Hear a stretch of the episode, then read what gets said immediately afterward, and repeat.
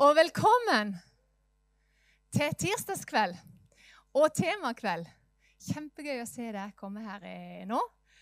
Og det var bra, for ellers hadde du gått glipp av noe veldig bra. Og det Jeg og Grete vi satt på led og hørte på Jarle Haugland og blant annet. Og dunka i hverandre og sa åh, han må vi få til Filelfia. Han må snakke om temaet om tro og medier. Eh, og, eh, og når vi hørte han var på vei til Lyngdal Han skal i Misjonskirka på betakurs i morgen. Og han skal òg innom skolen, Lyngdal kristne grunnskole i morgen og treffe elever. Så eh, heiv vi rundt og fikk booka inn kvelden før eh, med oss. Og det var jeg veldig glad for at du fikk til. Så velkommen skal du være. Og eh, du får presentere deg litt mer sjøl. Du er jo, som du sier, du er mest hjemme her. Gift med en lyngdøl som eh, noen av dere kjenner, Solfrid Tuen. alle kjenner jo Tore Tuen. Så, så, det er slekta vet du, som, eh, som er truffet der. Nei, men Det er så bra. Men velkommen skal du være, og scenen er din. Vi skal ha en kveld altså med, med foredrag. Og eh, en pause blir det på midten, og så blir det sjanse til spørsmål. Så, at, så bare samle opp det, så Eh, hvis det er noe du har tenkt på på forhånd, så, så får du sjanse til å spørre, spør litt på slutten. Det er veldig bra. Vær så god. Vi må gi henne en varm applaus. Tusen, tusen takk. Så kjekt. Jeg syns denne var så søt at den tar jeg med opp der. Jeg kommer sikkert ikke til å drikke den, men han var så søt. Eh, veldig kjekt å være her. og Jeg er ikke bare gift med Lyngdøl, men jeg er jo sørlending sjøl, så det er jo godt å komme ned og tørke opp litt, for jeg bor i Bergen til vanlig. Og eh, ja Der jobber jeg som daglig leder i Tro og Medier. Jeg er gift med Solfrida, har tre barn. 6-16 år, så vi har spredt det godt. Ja, ellers heier jeg på Start, så det er jo krevende nok. Ja, det, det, er ikke bare bare i Bergen, skal jeg si dere. Men, men eh, det gir meg ryggrad. på måte. Jeg står for noe. selv når, Akkurat på samme måte som at jeg likte Bjøre Haaland da jeg var liten. mens det var det ingen andre som gjorde. Det er liksom Læreren stå for noe. Så det er viktig. Uh, jeg må bare si, jeg fant ut i sommer som var at ikke jeg var så godt kjent i Lyngdal som jeg trodde. For, for jeg har jo vært der selvfølgelig mye på ferier. Og, uh, og så, så, var vi og bada i Breiva. Altså ikke i Kulpen, som noen kaller det, men altså Breiva, for dere har lært det heder. Uh, mm. Og så fant vi ut eh, ungene og meg at vi skulle ta liksom, eh, vannveien ned til Kvavik. Eh, med det vi hadde der, da. Vi hadde en, eh, en sånn eh, gummibåt, liten gummibåt som eh, eldstejenta og minste gutten skulle sitte i. Og så hadde jeg en ring, badering, og så hadde han mellomste gutten en, et pizzastykke. Ja. Altså ikke Grandiosa, men sånn oppblåsbar pizzastykke. Eh, og så sa jeg til Solfrid, da, som, som, min kone, som skulle ned og vente på oss ja, Det tar sikkert tre kvarter. eller noe sånt. Så. Er, det noen som har, er det noen som har tatt vannveien ifra, eh, derifra noen ganger? Er det noen som vet hvor lang tid det tar? Det tar lengre tid. Og, og den, broa, eh, den broa som går over til altså, Han kom aldri. Og vi padla, og det gikk hull på pizzastykket. Så jeg så jeg måtte overta det da, og ligge med fingeren på hullet og sånn sparke meg i vei. Så vi brukte tre timer og et kvarter. Og... Så i dag er planen min å holde på ca. en time, og da vet dere omtrent hva dere kan liksom forvente dere av min tidsberegning. Uh, å følge Jesus en verden full av skjermer. Jeg begynner å si noe kort først om tro og medier. For hva i all verden er det vi holder på med en organisasjon som starta i 1935. Dere skal slippe å få hele historien. Men utgangspunktet var at NRK hadde starta med faste radiosendinger. Kristenfolket vil være på banen, for her er ny teknologi som vi kan bruke til å utbre evangeliet. Eh, og så vil vi hjelpe mennesker til god og bevisst mediebruk. Vi sier at vi jobber for å gjøre Jesus synlig i mediene. Det er en samfunnsarena som påvirker enormt, og på mange ulike områder. Eh, så, så, det går liksom ikke an å snakke om alt i dag. Men det er disse tre områdene vi jobber med. Men medievalg, det er det vi skal ha hovedfokus på i dag. Hva vil det si å være en kristen? i dette landskapet? Hvilke valg tar jeg? Det andre er mediekontakt, som åpner dører. Jeg var i, for Sist uke var vi i møte med NRK eh, Livssyn og snakka om morgenandakten og ja, andre former for mediekontakt.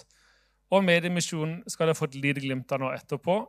For vi eh, ønsker å bruke denne teknologien til å lede mennesker til Jesus. Indirekte og direkte. Og Det siste eh, feltet her starter vi med noe som heter nettevangelisering. Og vi fikk med oss etter en stund så fikk vi med oss Egil Svartdal til å lage en, eh, et nettkurs. Det skal få en sånn introvideoen her snart. Og så fant vi ut ganske kjapt at ja, i tillegg, vi tror at alle folk er så utrolig digitale.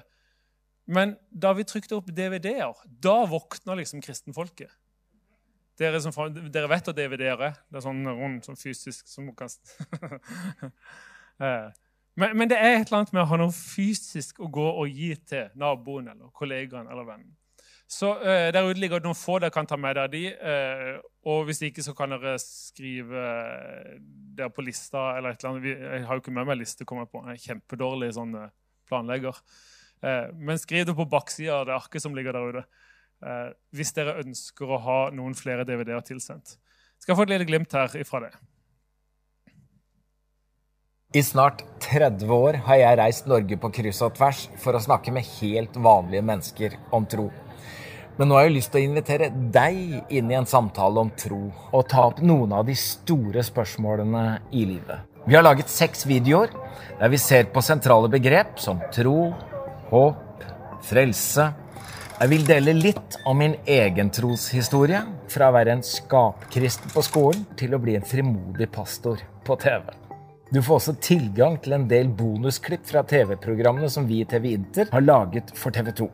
Jeg håper virkelig at du vil bli med i denne samtalen. Dette nettkurset som du ser her, de kan se den, de kan dele linken til omgud.nett. Folk kan også velge å melde seg på kurset Eh, via nettplattformen eller kursplattformen og få en e-coach. Og vi, får, vi, opplever at mennesker kommer til tro.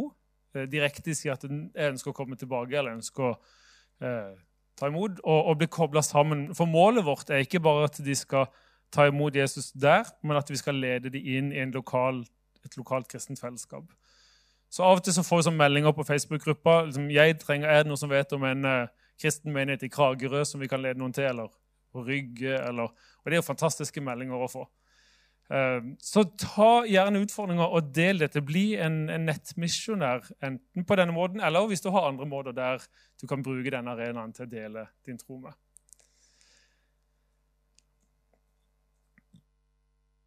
Så når vi da skal gå inn i dette landskapet, om hva det vil si å være en kristen her, så har jeg lyst til å begynne med noen, eh, noen bibelvers som gir oss litt sånn, tar noen skritt tilbake, eh, skal vi kalle det helikopterperspektiv, eh, på det samfunnet vi lever, oss, lever i, som kanskje vi er mer prega av enn vi ønsker å innse. I Bibelen så står det for to onde ting har folket mitt gjort. Fra Jeremia 2, 13. De har forlatt meg, kilden med det levende vann, og hugget seg brønner. Sprukne brønner som ikke holder vann. På et, på et kort bibelvers så setter, Jeremia, setter Gud i Jeremia-boka eh, egentlig også diagnosen på vårt samfunn i dag. Et samfunn som vi i større grad enn vi liker, er prega. Et folk som tørster, men de drikker av feil kilder. De drikker ikke av kildene som gir liv, men de har snudd seg rundt til surrogater, sine egne oppfinnelser, som ikke holder vann. Og inn i dette livet i dag og i sin tid så sier Jesus den som tørster, skal komme til meg og drikke. Den som tror på meg, fra hans indre skal det, som Skriften sier, renne elver av levende vann. Det er den stående invitasjonen som vi som gudsfolk har både sjøl å ta imot og ikke minst dele videre til andre. Det fins en kilde som gir elver av levende vann inni oss. Et liv som sprenger grenser.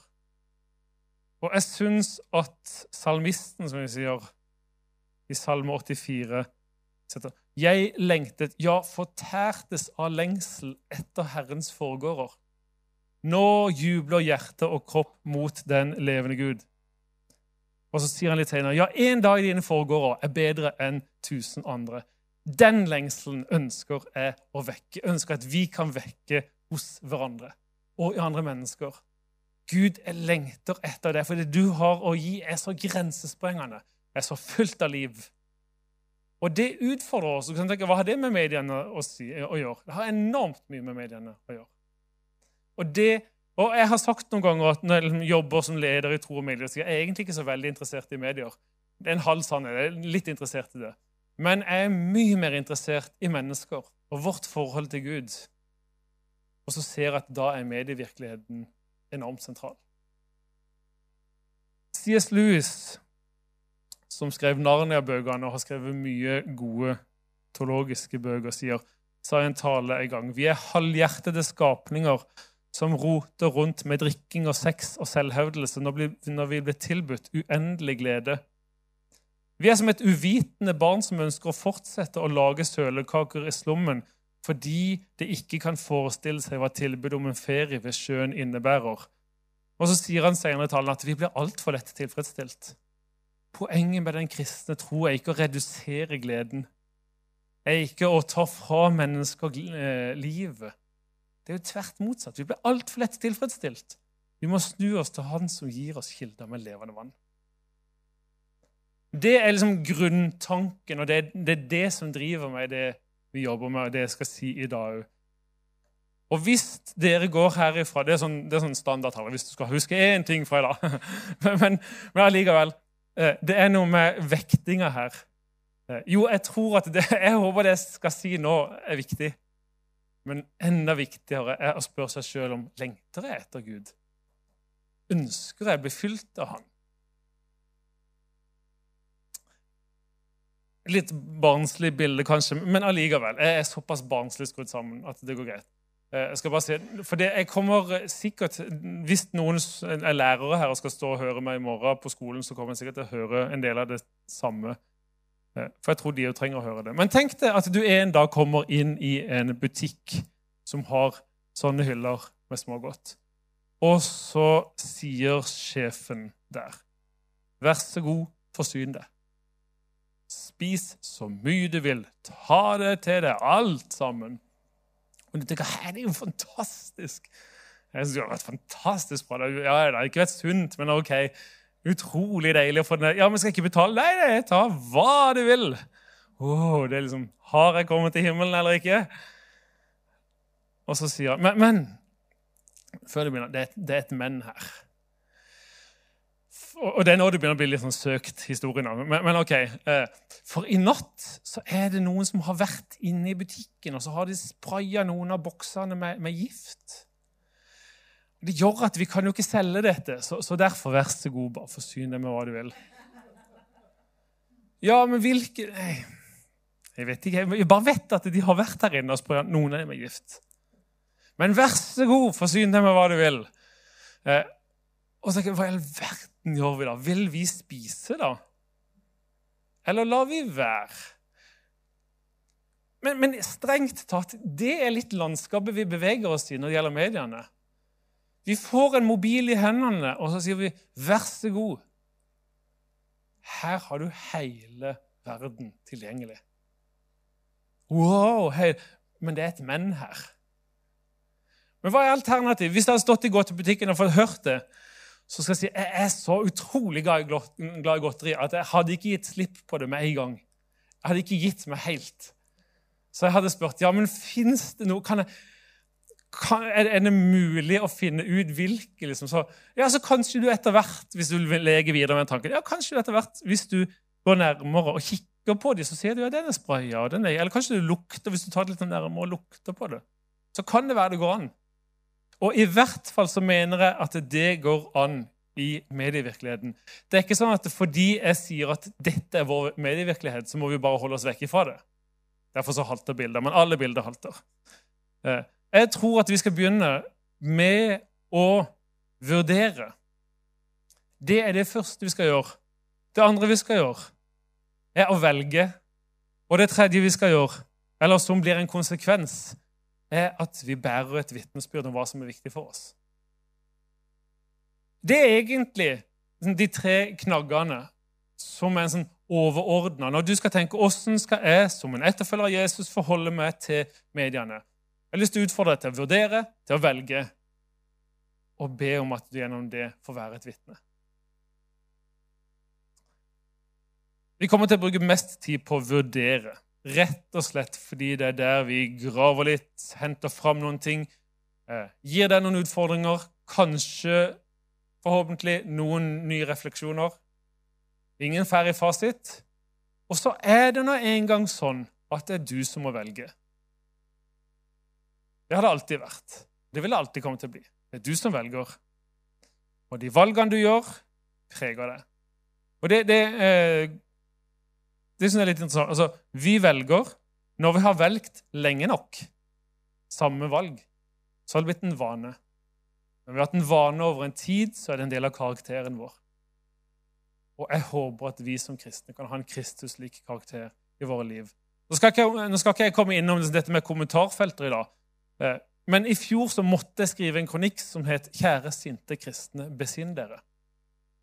For noen har en slags vane sånn, kalle, det, det, er sikkert noen, Hvis det er noen sånn hjerneforsker her, så, så, får dere korrigere meg. Men altså, det handler om nervebaner i hjernen. Det dannes veier ut ifra hvordan du velger. Og hvis du skal bryte en vane, ja, så må du ta bevisste valg for, for å lage nye veier. Jeg hørte om en eh, en rusmis... Nei, han var spillavhengig som snakka om at inni hjernen min er det som en firefelts eller åttefelts motorvei inn til Las Vegas. Mental motorvei. Men det fins alltid mulighet til å lage nye hjernebaner. Og så tenker jeg disse sinte kristne som altfor lett jo, Kanskje de faktisk har noe poeng i det de skriver. Det er ikke det som er poenget.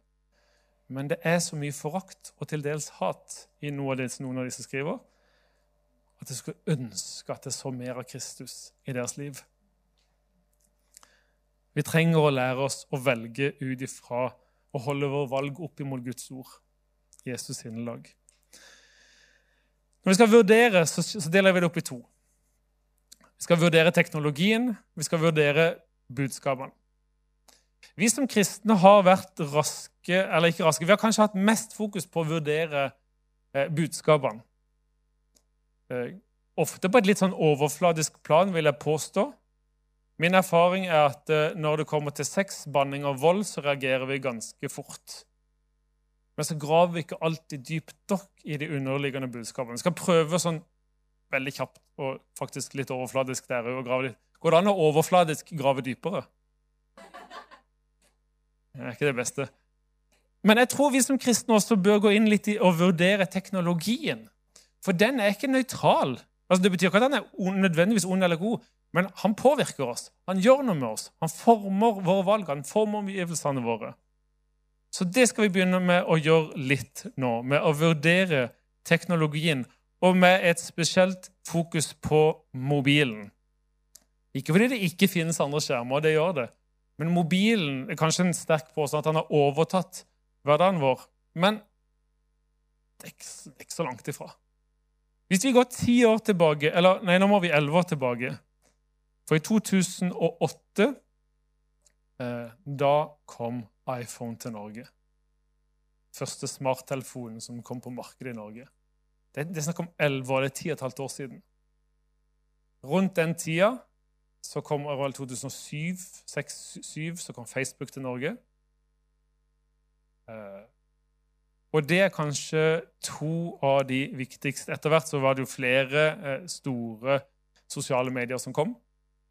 På begynnelsen så trodde liksom folk ble Twitter, men det sank litt etter hvert. Og så kom Instagram, og er fortsatt stort. Så kom Snapchat. Så har vi YouTube, som strengt tatt også er en form for sosialt medium. Og så videre. Og det er et landskap som er enormt mangfoldig etter hvert. Dette er snakk om 10-11 år. Og det i en menneskehet er kjempekort tid. Og har vi som mennesker hatt evne til å omstille oss, til å tilpasse oss teknologien, så at vi skjønner hva det gjør med oss? Jeg er ikke sikker på det. Vi skal prøve å se på noen av dem. Eksempel, vi har en tilgang til en hel verden av informasjon. På godt og vondt. For øvrig så, altså Google kommer med som forslag deres forslag når Vi får tilgang til en hel, hel verden av in, og da foreslår han ingefær. Så det er ikke alltid det er like smart, det de holder på med. Eh, han skjønte ikke helt hva jeg skulle. Men vi har en enorm tilgang til kunnskap, glede, læring, moro, til ondskap, destruktivt innhold, det som ødelegger, det som bryter ned. Og hva gjør vi da? Jo, jeg tror kanskje og Det ene er at vi må lære oss kildekritikk. Det er alltid viktig. Vi må lære oss liksom, Hvor kommer dette ifra? Hvorfor skal denne påstanden være sann og ikke denne? Men enda viktigere mener jeg faktisk det er å skjelne mellom det interessante og det viktige. Altså mellom det artige og det nødvendige. Jeg tror faktisk, jeg vil påstå at den største utfordringa for oss i dag er ikke det onde. Jo, det er en stor utfordring, det òg. Men for den store mengden av oss så er det det interessante, det artige. Det som egentlig ikke er ondt eller negativt, som faktisk kan være ganske fint. Det er noen som sier at det gode er det bestes verste fiende. For du, du kan på en måte ikke velge det vekk fordi det er negativt. Men så stjeler det plassen fra det som er virkelig nødvendig. Vi har den hele vide verden i vår hånd. Spørsmålet er, det, er makter vi å bære den, eller ikke? Internett som et speilbilde av menneskeheten på godt og ondt. Det er bare en kjensgjerning. Den har vi. Så det er sånn første punkt. Det andre punktet, Vi finner nye måter for fellesskap. Det har skjedd de siste ti årene. Og jeg kan jo si til min sønn liksom, skal du ikke være med venner. liksom? Ja, Men han er jo det. Selv om han er på gutterommet og spiller dataspill. Nye måter for fellesskap. Jeg husker jeg snakket, eller var i kontakt med et det var faktisk to eldre som hver for seg ga meg tilbakemelding når vi inviterte til skjermfri uke som vi arrangerer en gang i året. Og Begge disse to sa da eldre folk, eh, over 80 over 90, sa at nei, Facebook er så viktig for mitt sosiale liv. Jeg kan ikke komme meg ut eller ha begrensa omgangskrets osv. Så, videre. så for meg så er det en måte å ha kontakt med mennesker på. Å kutte det ut ei uke uaktuelt for meg. Ingen problem for meg å si at det er en tid for alt. Senk skuldrene. For dette er jo sånn typisk mennesker med høy ansvarsfølelse som tenker at jeg burde jo sikkert vært med på det. Eh, men det er noen fellesskap som vi skal anerkjenne og si at ja, selvfølgelig så gir dette oss en kontakt med mennesker. Et fellesskap som vi skal anerkjenne. Så ikke, selv om jeg kommer til å peke på en del Jeg kommer sikkert til å være en litt sånn uh, kjempenegativ innimellom og tenke at hallo, det er ikke bare vondt. Nei, det er ikke det. Men jeg kommer til å utfordre dere på en del ting som gjør at vi kan ikke ukritisk omfavne det. Men så dere denne saken på NRK om Mats? Er det som har lest den? Det var den, den mest leste saken på NRK noensinne. Eh, og de skal lage en britisk versjon av den òg, faktisk. Det, eh, det berører noe. Men hvorfor, hvorfor ble den så mye lest, tror dere? Noen som har noen sånne tanker om det?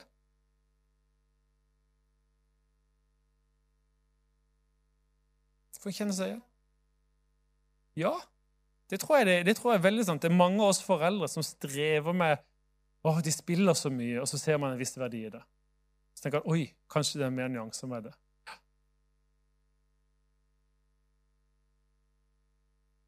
Ja.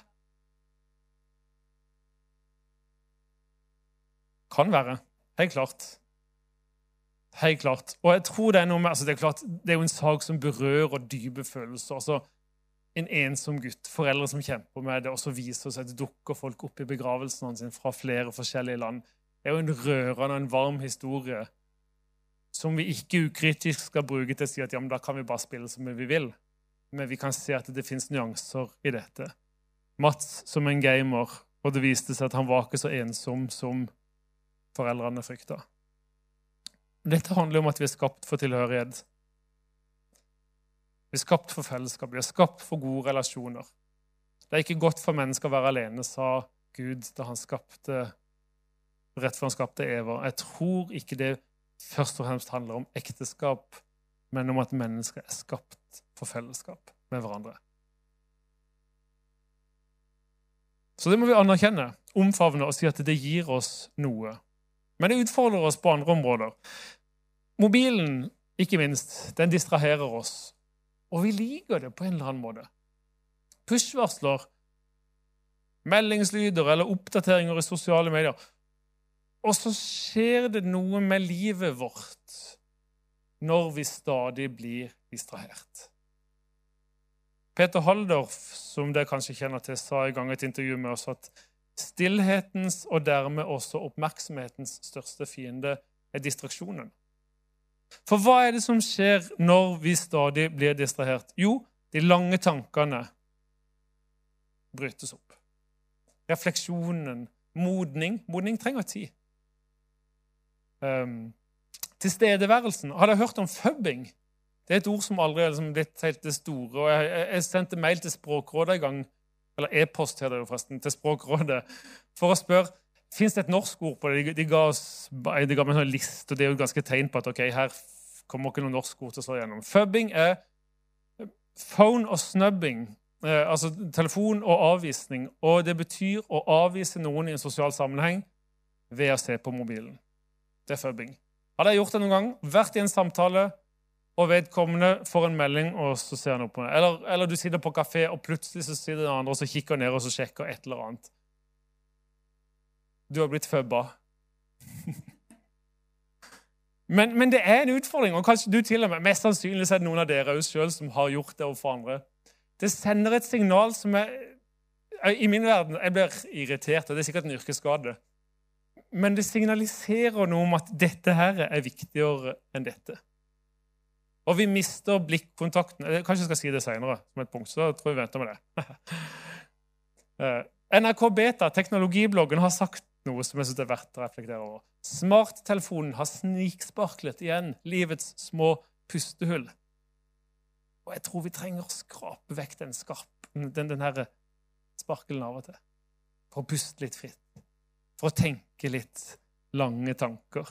For å være litt ekstra til stede i de viktige relasjonene våre. Relasjonen til meg sjøl. Fordi smarttelefonen eller mediene kan være en flukt fra meg, mine følelser, min hverdag. Fra mine, relasjon, mine viktige relasjoner til de andre. Min kone, mine barn, mine venner og min relasjon til Gud. I stillhet og i tillit skal deres styrke være, sier Gud. Det vet jeg ikke om vi har tid til, for jeg skulle gjerne ha oppdatert Instagram nå. Vet dere hva det står når, når det står jeg tror Jeremia 30, 15? I stillhet og i tillit skal deres styrke være. Så står det. Men dere ville ikke. Tenk deg for et trist vitnesbyrd over israelsfolket. Det skal finne en styrke i stillheten og i tilliten. I den stillheten som lar Gud tale inn i vårt hjerte, som gjør at vi har tillit til Gud. Og når vi er der, så skal vi finne styrke som bærer seg fram. Det står jo at, at tro kan flytte fjell. Tro, tillit, det samme. Tillit til Gud. Og når han får hviske sin tro inn i våre hjerter, så kan vi flytte fjell. Ja, da forresten, Dette er en avsporing. Det er jo en fare for at man da snakker lenger enn man skal gjøre. Men jeg tar den avsporinga likevel, for jeg syns den er så fin. Det er en av de fire evangelistene som, sier, som gjengir Jesu ord 'Det er fullbrakt'. Vet dere hvem det er? Det er Johannes. Den eneste av disiplene som det står skrevet om, befant seg med Jesu kors på den tida, det var Johannes. De andre holdt seg på avstand. Det skjer noe når vi er nær nok og stille nok til å høre Guds stemme inn i våre liv. Og ikke minst det sentrale det er fullbrakt. Det var nok det som jeg gjorde. Og i det øyeblikk vi beveger oss bakover, så ble det kanskje mindre viktig. Eller vi ble mer og mer usikre på det. Var det virkelig nok? en avsporing sånn i forkant av påska. Så lider vi av FOMO. Dette, dette, sier jeg ikke for å være kul. Min, min sønn sier at det er så dustete når du sier sånne ting. Liksom, vil du prøve å være så kul. Men det er et begrep. Fear of missing out. Et, langs, et begrep som ble lansert i 2000, så det er ikke helt nytt. og det var ikke sosiale medier, Men det er blitt enda mer aktualisert nå. Frykten for å gå glipp av noe. Det har jo vært en del av oss sikkert fra tidenes morgen. Det kan godt være at Adam gikk liksom Hva var det du gjorde nå, Eva? Jeg har ikke lyst til å gå glipp av alt det gøye du gjør. Det kan være. Men det har blitt kjempeaktualisert nå. For det skjer noe hele tida, og vi er påkobla hele tida. Og så har det skjedd en sånn økt følelse av FOMO, frykten for å gå glipp av noe. Og så var det noen forskere som undersøkte sammenhengen mellom må det tilfredshet i livet og følelsen av Altså frykten for å gå glipp av noe. Og bruk av sosiale medier. Så sier de Det syns jeg var litt interessant. Eh, de som brukte sosiale medier mest, de var òg de som hadde høyest grad av frykten for å gå glipp av noe. Altså, Jo mer du brukte sosiale medier, jo mer frykter du å gå glipp av noe. Og, sier de, jo mer du frykter å gå glipp av noe, jo mer misfornøyd var du med livet. Var du med på den? Det betyr altså at skal skal du få legge vekk og redusere frykten for å gå glipp av noe, så må du faktisk kanskje gå glipp av noe. Og kutte ut noe.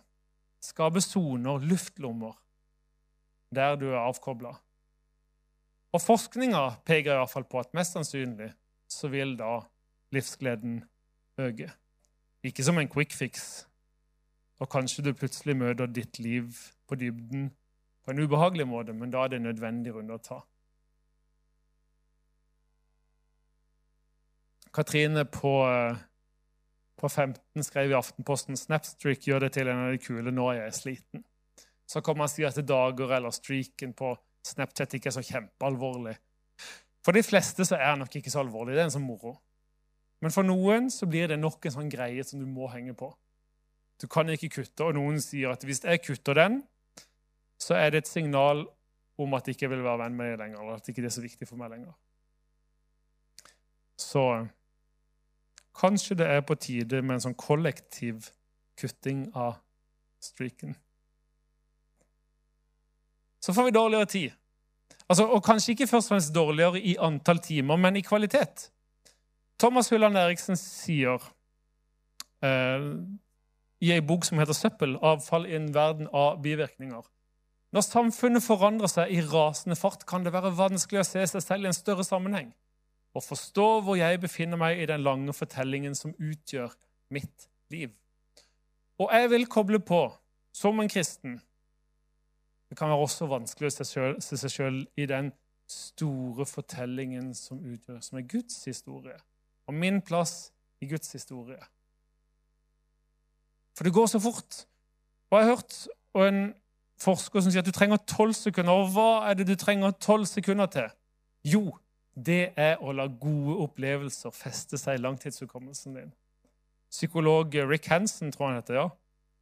Og Hvordan han fant ut det, ikke spør meg, aner ikke. Men det er så godt poeng at jeg bruker det likevel. Han sier det at tolv sekunder trenger du for at det skal feste seg. Mens negative opplevelser det fester seg umiddelbart. Det, det handler om å overleve. Du, skal, du, du, må lære deg at når tigeren kommer inn her, det er jo sånn kjempesannsynlig, kommer inn tiger, så skal du vite umiddelbart at her må jeg stikke av. Det er farlig. Men så sier Rick Hansen videre at i en tid som i dag, når, tiden, når tida går så kjapt og det fragmenteres opp i mindre og mindre biter, så har vi sjelden tid til de tolv sekundene. Og konsekvensen er at vi lærer å engste oss. Jeg skal ikke påstå at dette er liksom en grunn eller hovedgrunn. Jeg har ingen faglig grunn til å påstå men kan det være at det også er noe av det som gjør at stadig flere ungdommer er deprimerte og stressa? Fordi det går så fort. Man trenger av og til den tida til å la gode ting feste seg. Så neste gang, kjære folk, neste gang dere får høre noe fint og si, Pass på å være flink til å si noe fint til hverandre. Så tar dere 12 sekunder. Eller 13 for å være sikker. Det kan være at du teller litt fort. Og la det feste seg. Og så sier Thomas Hylland Eriksen i en annen bok det er mye som kan gjøres raskt. Men det finnes også ting som bare kan gjøres langsomt. Å tenke, f.eks. Eller å gjøre en helhetsvurdering av et felt, legge opp en langsiktig plan, eller skrive en grundig rapport, eller for den del å være gift. Hørte jeg det? Eller å dyrke en ask fra stikling til klatrete. I informasjonssamfunnet er det verdens minste problem å gjøre ting fort. Det er verre med det langsomme. Så nå er jo jeg en slags sånn, Selv om jeg jobber i en slags teknologi- medieorganisasjon, så er jeg en litt sånn talsmann for det langsomme innimellom. Kanskje fordi jeg er sørlending kan være litt langsomme. Men jeg tror at vi trenger det. Og dette stikker mye dypere enn bare det personlige planen. Det handler også om vår relasjon til Gud. Ikke, jeg tror ikke Gud er så interessert i å se ryggen vår og løpe heseblesende etter oss for å gi oss det som han vil gi oss. Det står masse steder om blikkontakten. Og det var den jeg skulle komme tilbake til senere. Ja, ja det skal jeg. Eh, jeg lurer på om jeg skal, stille, om jeg skal snakke litt med sidemannen ett minutt, eller sånn veldig kort. Så, det skal ikke bli sånn pinlig stillhet. Sånn. Men jeg skal bare teste dere. Jeg lurte vi skulle ha en Kahoot, men vi tar bare denne. Hvor lenge hadde du klart det uten mobilen? Snakk sammen to og to, så skal vi ha en sånn eh, bekjennelsesrunde etterpå. Det var den tida jeg fikk. Og Jeg vet at det er et spørsmål som ikke man bare kan svare sånn A4 på. Men er det noen som, eh, er det noen som vil bekjenne noe? Er det noen som kunne klart seg lenge uten? Du kunne klart det. Hvor lenge tror du? Da vil jeg liksom si at lenge Ja, minst to timer. Sånn, Dager der du ikke går. Så du, går ikke og sjekker. du er ikke blant de der som hvis, sjekker visst mobilen i snitt 150 ganger daglig. Du trekker den snittet ned. Ja. Eh, bra. Jeg vil tippe at nå som iPhone er blitt oppdatert, så du kan sjekke hvor mange som pickups du har. Så, så, så er det bedre tall å måle på. Men jeg. Bra. Eh, og det er klart, Mobilen er jo et verktøy for oss. Du sier du må ha den i lomma fordi det er jo et altså, fordi folk forventer å få tak i det. Noen må kanskje ha den for, altså, Jeg vet ikke om, om, det er sånn app på buss, om du tar med buss i Lyngdal, forresten. Men, men eh, gjør jo det her òg. Har jeg app, men altså, billett på app, ja. Ja, altså, Kommer til, komme til Lyngdal og sier Solfrid tar jo aldri buss i Lyngdal. liksom. Eh, så Det var ikke noen sånn, eh, det var ikke sånn by altså, ned, ovenfra ned. altså. Jeg bare lurte på om jeg bomma fullstendig på det jeg sa nå. Eh, jeg kommer tross alt fra lille Mosby, så jeg har ingenting skulle sagt. Mine foreldre sier at du tar ikke bussen. altså. Det, nei, det skal alltid kjøres. Dette var en avsporing igjen. Men poenget er at det fins måter å altså, Vi kan gjerne bruke som unnskyldning at ja, men jeg trenger den fordi jeg må ha appen på den, jeg må, må gjøre sånn, og de må få tak i meg osv. Jeg har lyst til å utfordre deg på å noen ganger, og kanskje ikke minst nå i fastetida, til å redusere de til et minimum. Til å fjerne push-varsler ned og, bare la alle de mest nødvendigste være igjen. Til å kanskje velge tidspunkt på døgnet der du sier at ok, jeg sjekker Snapchat hvis det er den viktigste på kontaktkanalen, eller sjekker mailen i gitte tider som du bestemmer deg for. Om det så er en periode. Det går helt greit. Bli gjerne med på skjermfri uke. Det blir ikke noe sånn at du må rekke opp hånden og si at det skal jeg gjøre. Eh, men 5. til 12. april, skjermfri uke, ifra etter arbeidstid fredag 5. til midt på dagen eller etter arbeidstid fredag 12. Og da, selvfølgelig, man skal gjøre jobben sin, man skal gå på skolen og gjøre leksene sine osv. Men alt det andre Ta dere en pause og kjenn etter. Hva gjør det med oss? Og Hos oss så har vi det. Min sønn på nå 13 spurte meg for et par år siden om pappa har du lov til å gi meg skjermfri uke. Og da sa jeg ja, har jeg. Har lov til å gjøre det som jeg mener er godt for deg, men du skal få dessert hver dag. OK, det var greit. Nå klarer jeg ikke lokke han med dessert, men jeg er fortsatt hans far, og han må fortsatt ha skjermfri Eh, men det er noe, det skjer noe. Jeg kjenner at liksom to-tre to, dager inn i uka så har liksom rastløsheten gitt seg, og roen senker seg litt mer. Og det er verdt å teste. Fantastisk. Skjermfri Uge, Da fikk jeg sagt det. Litt til før vi tar en liten pause. Eh, mobilen er en fantastisk arena for bekreftelser. En skummel, fantastisk arena for bekreftelser. Og Gud har jo, Gud har jo skapt oss med dette behovet for å bli sett, eh, for å bli anerkjent, for å bli bekrefta. Um, det ligger der fra skapelsen av fordi Gud elsker oss så høyt, og så så han at det han skapte, det var godt. Og der bekrefter han oss med et evig stempel. Like. Dette liker jeg. Og så har allikevel vi snudd oss litt vekk ifra den. Og, og det var da vi tilbake til blikkontakten. Bibelen er så full av ord som handler om vår blikkontakt med Gud og hans blikkontakt med oss. Se opp til han har strål av glede, så skal deres ansikt aldri rødme av skam. Et annet sted står det om at Gud gir oss råd med sitt øye. Og vi har ikke, Jo, lærere har øyre i nakken, men alle vi andre har ikke øyre i nakken. Så da er det snakk om at vi skal snu oss rundt og se Gud inn i øynene. Stråle av glede og møte en som vil lede oss og gi oss råd. Vi er skapt med et behov for å bli sett. Og vi er sett. Herre, du ransaker meg, og du vet. Du vet om vi sitter eller står. På lang avstand kjenner du mine tanker. Om jeg går eller ligger, ser du det. Du kjenner alle mine veier. Før jeg har et ord på tungen, Herre, kjenner jeg det fullt ut. Bakfra og forfra omgjør du meg. Du har lagt din hånd på meg. Og med et feil gudsbilde så kan det være ganske skummelt. Men med et sant gudsbilde så er det fantastisk. Og han fortsetter litt seinere. Jeg takker deg for at jeg er så underfullt laget. Underfulle dine verk, det vet jeg godt. Knoklene mine var ikke skjult for deg da jeg ble laget på hemmelig vis og vevd dypt i jorden. Dine øyne så med deg jeg var et foster, alle dager er skrevet opp i din bok. De fikk form før en av dem var kommet. Dine tanker, Gud, er dyrebare for meg. Summen av dem er ufattelig. Stempel. Jeg elsker det. Jeg ser det. Jeg bekrefter det. Hver dag.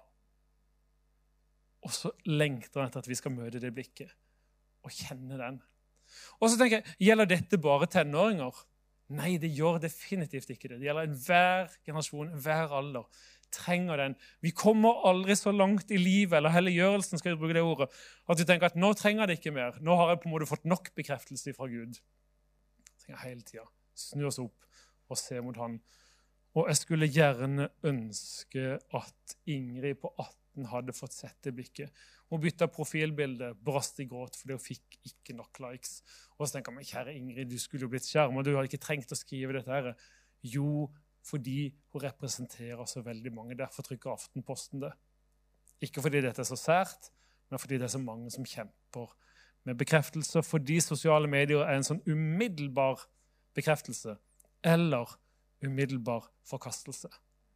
For det er så kjapt å få tilbakemeldinger, kommentarer, likes. Men når de uteblir, så er det så synlig, og det er så vondt.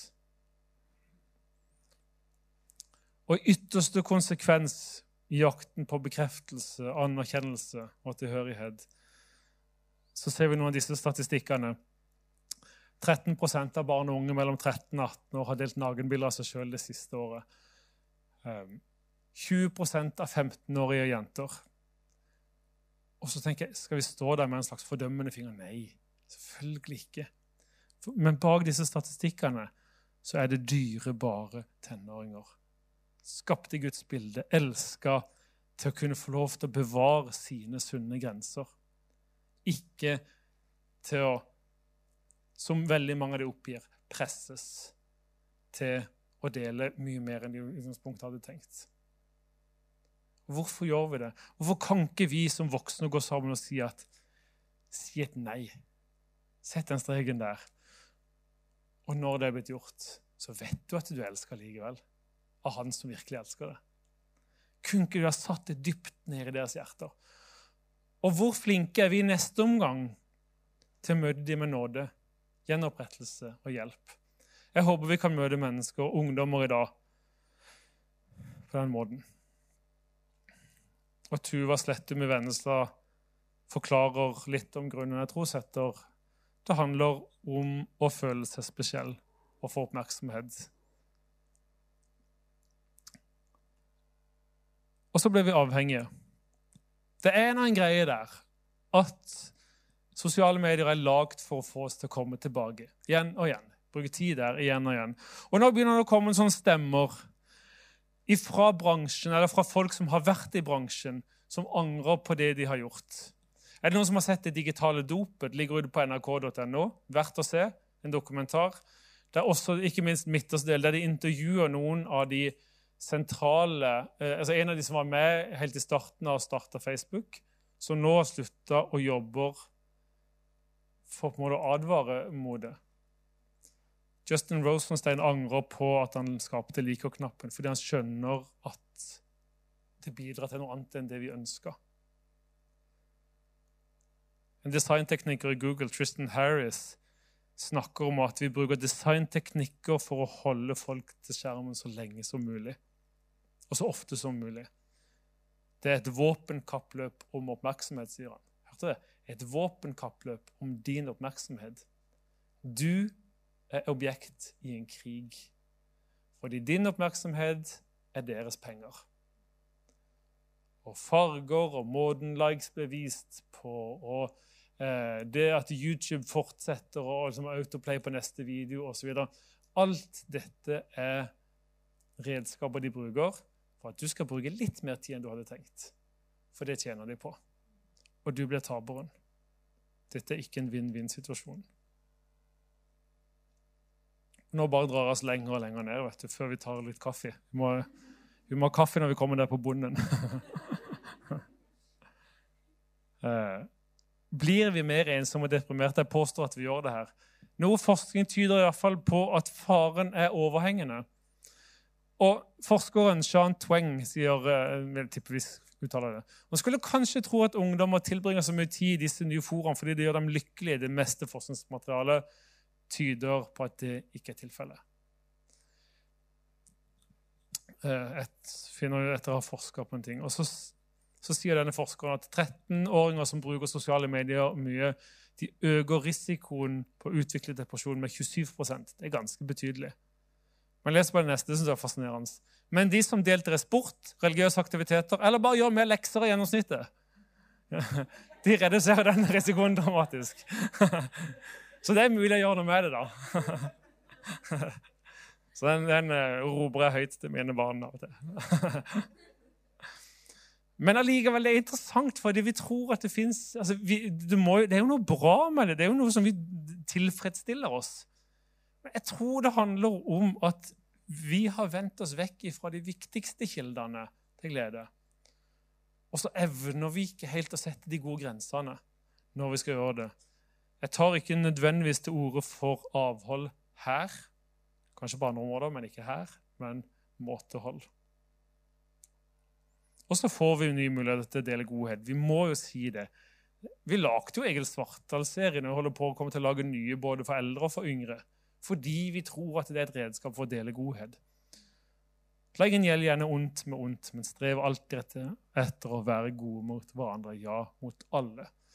Så det kan være sånn første Nå, nå må vi ha en pause, så tar jeg med deg det bibelverset i refleksjon og sier at det, når det gjelder å forholde seg til teknologien, så gir det oss muligheter med noen kjempeutfordringer òg. OK. Da er det eh, kaffe. Var det kringle? Hørte jeg kringle? Og sikkert noe vann eller te eller